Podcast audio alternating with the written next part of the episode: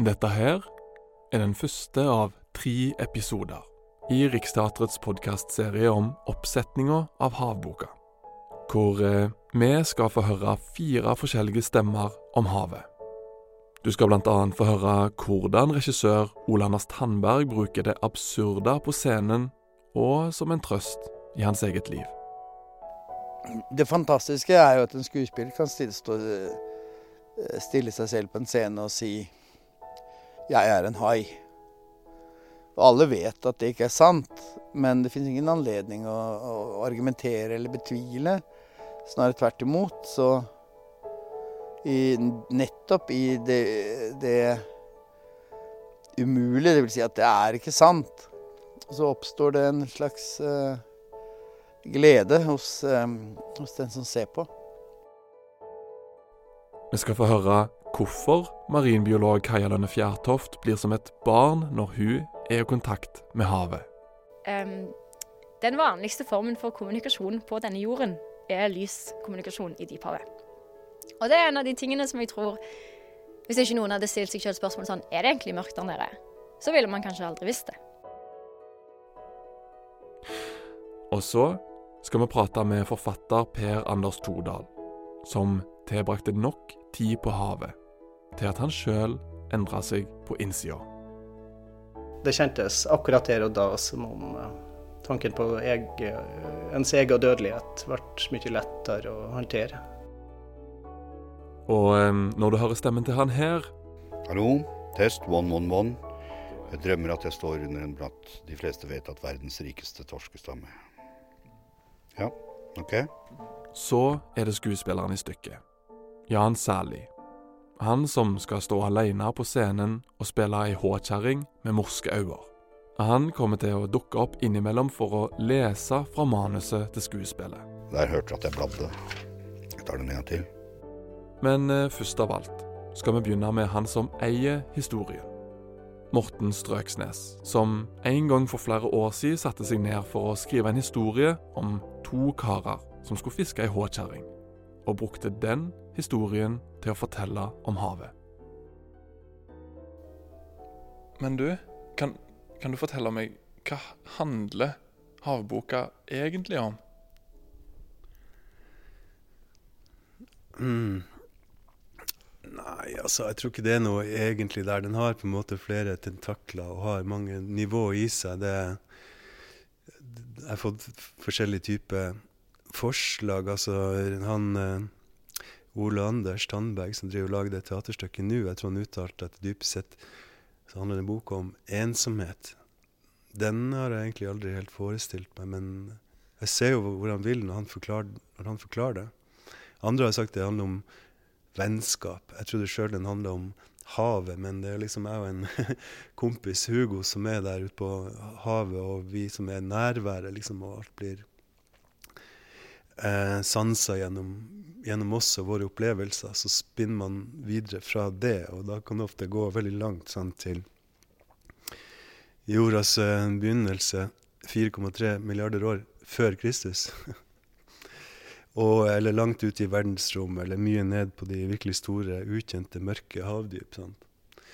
Så Nei, jeg vet ikke helt. Det er ikke så viktig for meg å, definere det. Men den har liksom noen hovedpersoner. da, sant? Er håkjerringa og Hugo og havet. Sant? Og, og den plassen, lille øya Skrova. Selv så ser jeg bare mer et slags verktøy for boka, vil jeg si. Hva er det med havet som har så taket på deg, da? At du brukte så lang tid og skrev ei, ei bok om det? Nei, altså det er en Det er jo uh, Det er jo et uh, veldig interessant element, og det skjuler jo sant, det, er jo et, det er jo på jorda, men det, jo, det er jo livsformer der og eh, som kunne vært hørt nesten bedre hjemme på en annen planet, nesten, fordi at evolusjonen har vært gått så mange parallelle spor der nede. At det syns jeg er temmelig fascinerende. Og alt det livet som, som, som finnes der. Og hele greia, jeg begynte å, liksom, tenke, tenke, på det Vi tar det for gitt, men hvor kommer alt det vannet fra? 70 av, av jorda er, er, over det er, er, hav. Og Hvis man hadde, som et tankeeksperiment, ville lagd en parkeringsplass eh, ved liksom akkurat null meter over havet, der havet starta, så dumpa alt som fins på jorda, alle fjell, Himalaya og alt av ting og åser og trær, og dumpa det i havet, så ville alt blitt borte. Og havet ville fremdeles vært eh, kanskje part, flere tusen meter dypt. Så det, og alt liv sant? Jo mer jeg begynte å eh, vært liksom interessert i flere år. og Når man skrur på en radar, så, så, plukker man opp ting her og der. Så merker man jo at det er liksom ganske mange vanvittige ting rundt eh, det med havet. Som eh, i hvert fall ikke jeg hadde tenkt så mye tenkt ut av meg sjøl. Man må på en måte drive og ha tid til å sette seg inn i det. Så ja. Som for eksempel? Man begynner å, å, å undersøke sånn hvor, hvor kommer alt det vannet fra? Hva, hva, er det Og hvor mye vann er det egentlig i universet? Sant? Når de um, astronomer driver og skal lete etter liv andre plasser, de ser ikke etter liv, sant? de ser etter, etter, vann. Og vi vet at det er masse is der, men hvor er det flytende vann, og hvorfor er det så mye av det her? Um, så begynner man bare litt liksom Ja, universet er nesten Jeg er ikke helt sikker på om universet er uendelig stort, fascinerende nok. Kanskje ikke det er uendelig, men det er i hvert fall hyggelig. Det er milliarder av galakser osv. Men det er ikke sikkert det er så mange plasser da, når man begynner å se på de eh, forholdene som, som, gjør at det, liksom, jorda et sted der det finnes så mye liv, så og så langt fra en, en, sol, det må finnes så og så mye vann i utgangspunktet. ikke sant? Og så skal det ha en atmosfære, og så skal den ha sånn og sånn type størrelse og tyngdekraft og osv. osv liksom svært mange som, som, er helt 100 sikre på at det er liv, komplekst liv, så og så mange steder og rundt omkring i universet. Kanskje, kanskje, ikke, det, kanskje ikke, det, er det. Jeg vet ikke, men uh, jeg har i hvert fall hatt veldig mye flaks her som uh, sant, Fra det utvikla seg det første litt sånn amøbelignende livet i havet, selvfølgelig, til at hvis du sitter her med en mikrofon oppi fjeset på meg, og øretelefoner på, og vi lever, har teknologi og, og er liksom har lykkes, eh, og alle, absolutt hvert eneste ledd i milliarder av år som um, kom før oss, har på en måte greid å overleve. Ellers så ville vi bare bli kappa av. ikke sant? Sånne type tanker er jo ganske fascinerende. En sort blågrønn alge er faktisk så produktiv og tallrik at den alene lager 20% av oksygenet på jorda. Dere visste ikke engang om at den eksisterte før på 90-tallet. Dere står i bunnløs gjeld til noe dere ikke kan se. Og ser dere bilder der de er fotografert med elektronmikroskop, tror dere knapt det er mulig. Jeg heter Ole Anders Tandberg, og jeg er regissør. Har du en historie eller et minne fra barndommen eller etter hvert som du vokste opp og ble voksen, som ga deg et nytt perspektiv eller en ny forståelse av havet på? Av havet? Ja. Det tror jeg snarere var når jeg så Morild første gangen. Jeg var på Sørlandet under en sommerferie med en venn. Jeg var 14-15 år. Og det var en helt magisk natt hvor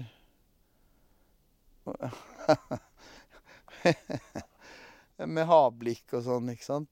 Og, eh, og, svart. Og det var vel juli og liksom svart natt. Og, eh, det var to jenter der som, eh, som vi satt og klinte med i denne båten da. Eh, det var Det var Det var i og for seg magisk nok. Men det magiske var denne morilden, altså.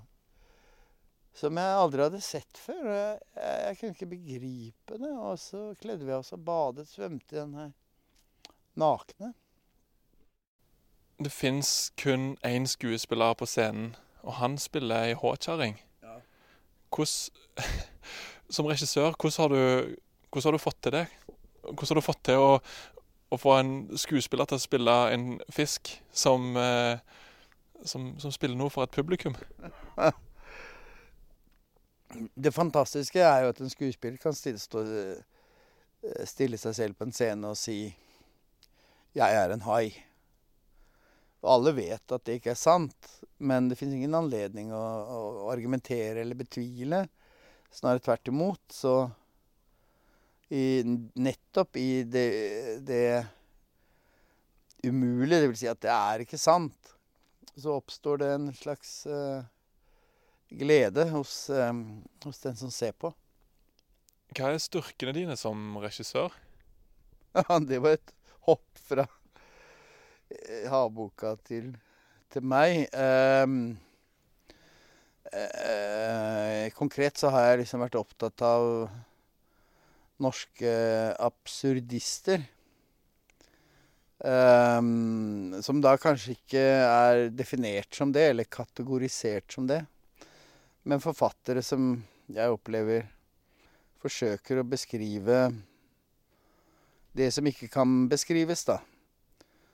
Som veldig ofte har med, med døden å gjøre, eller snarere det faktum at vi skal forsvinne. Og, og at vi forsvinner så definitivt.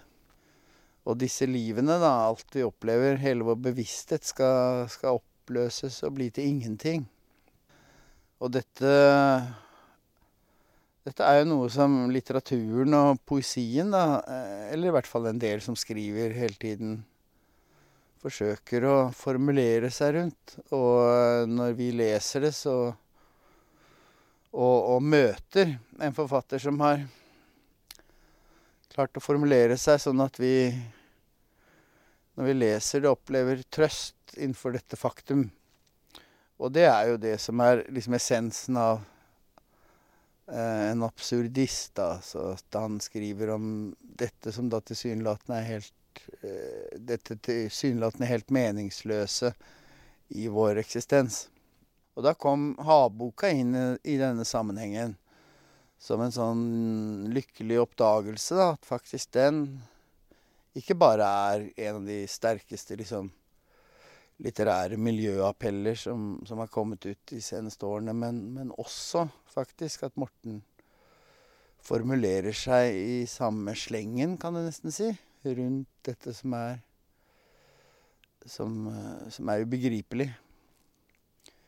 Uh, gjennom at han retter blikket mot havet og havets dyp og alt vi ikke vet noe om der. Og, uh, og, og, de perspektivene som man får på livet når man begynner å se på hvor gammelt havet er. Og, og,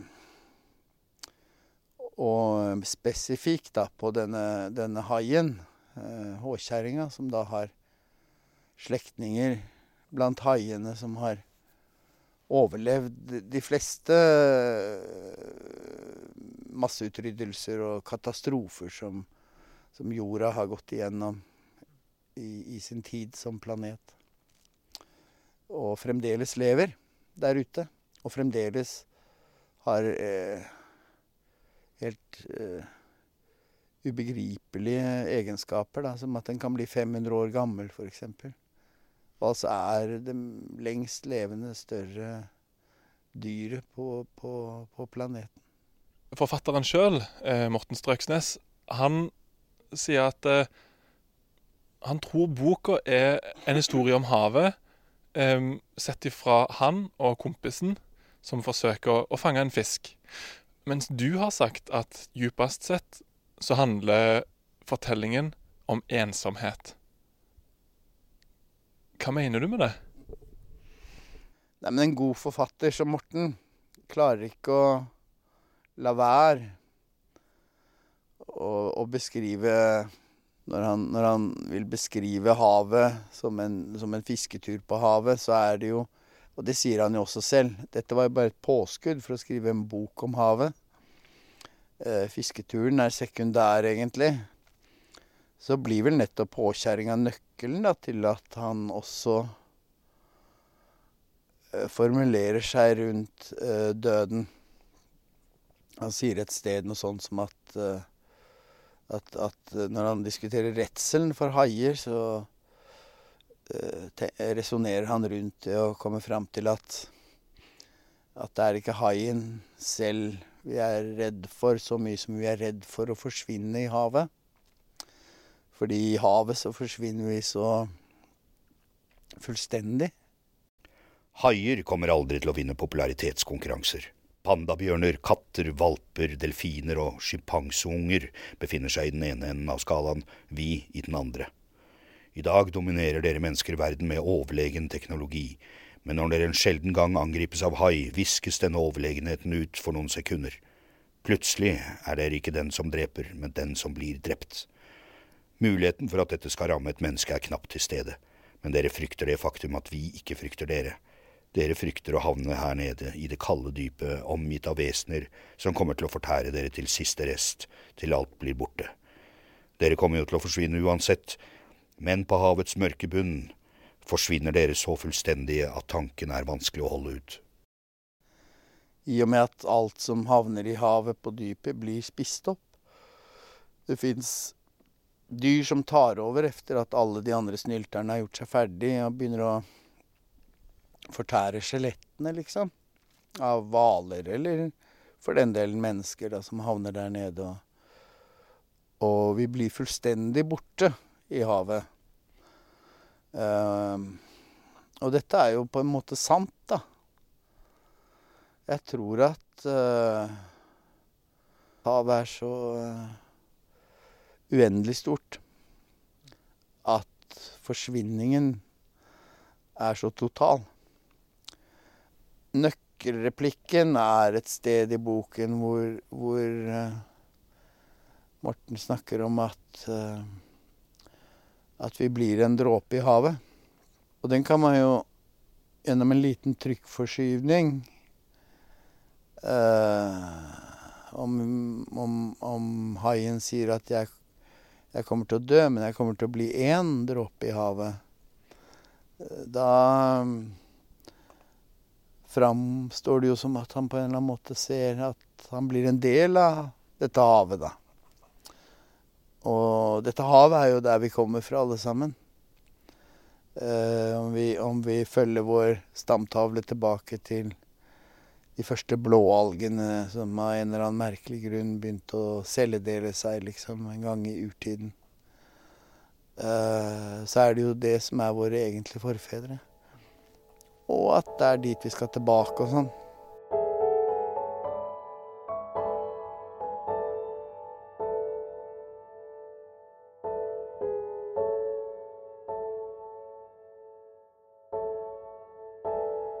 Du har lytta til en podkast av Riksteatret i samarbeid med Nationaltheatret. Avboka settes opp over hele landet og spilles til slutt på scenen til Nationaltheatret. Musikken er laga av Joel Salin, og produksjonen er gjort av Lars Christian Øverland for Filt.